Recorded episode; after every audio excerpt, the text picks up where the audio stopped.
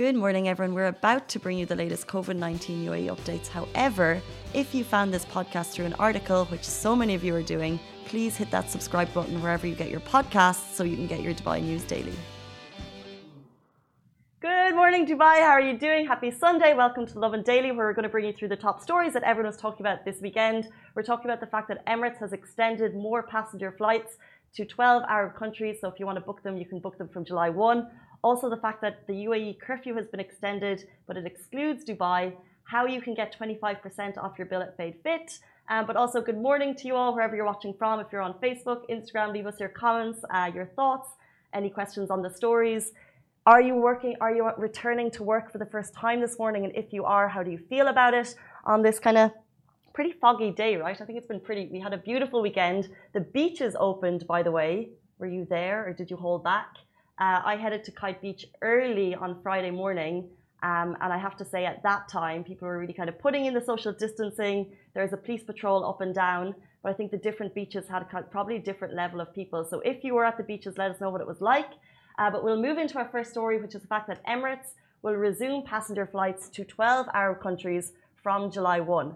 Uh, so Emirates Airline, we all know and love, is now allowing passengers to book outbound flights from Dubai to 16 destinations and 12 Arab countries that are set to resume services from July 1.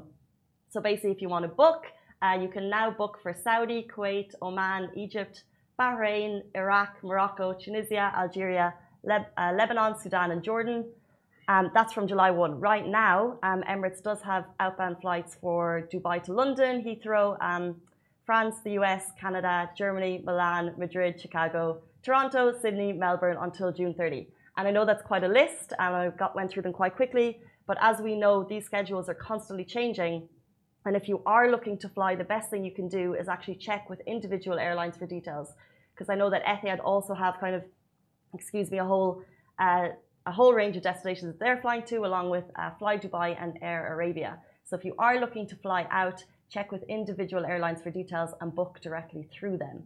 Um, on top of that, if you are flying with Emirates, has anyone seen the kind of cute hygiene kits that Emirates are now providing if you're going to fly with them? Shai, did you see them? We posted about them on Lovin.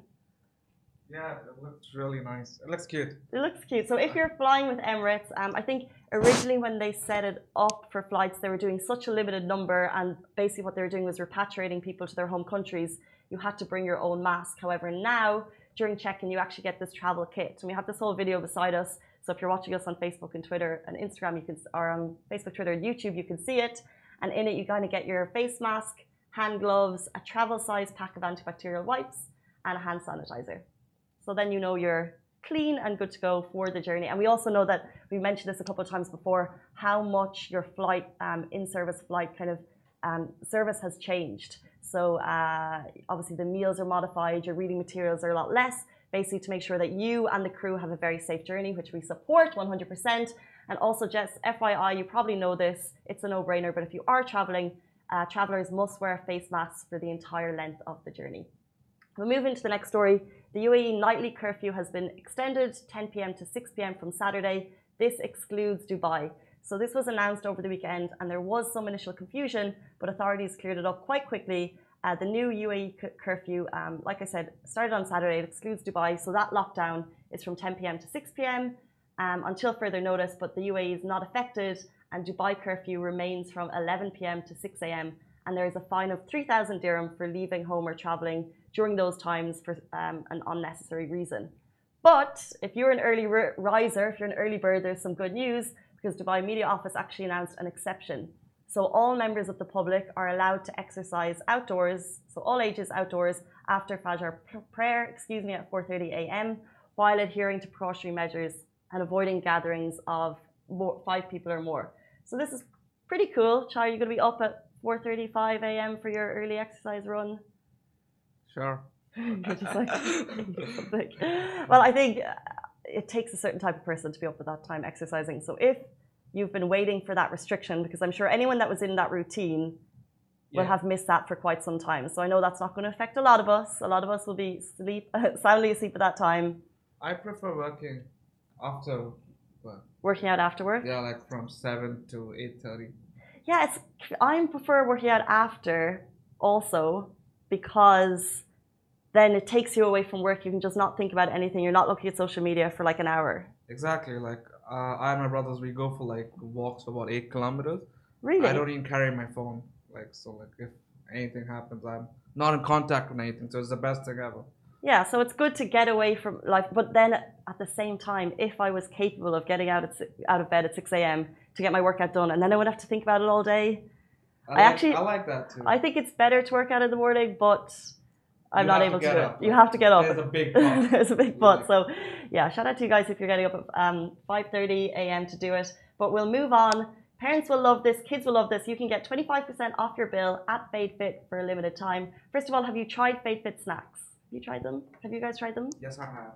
It's very nice. Yeah, I actually have tried the kids ones. Love them. Bite size. Have them by my desk quite regularly.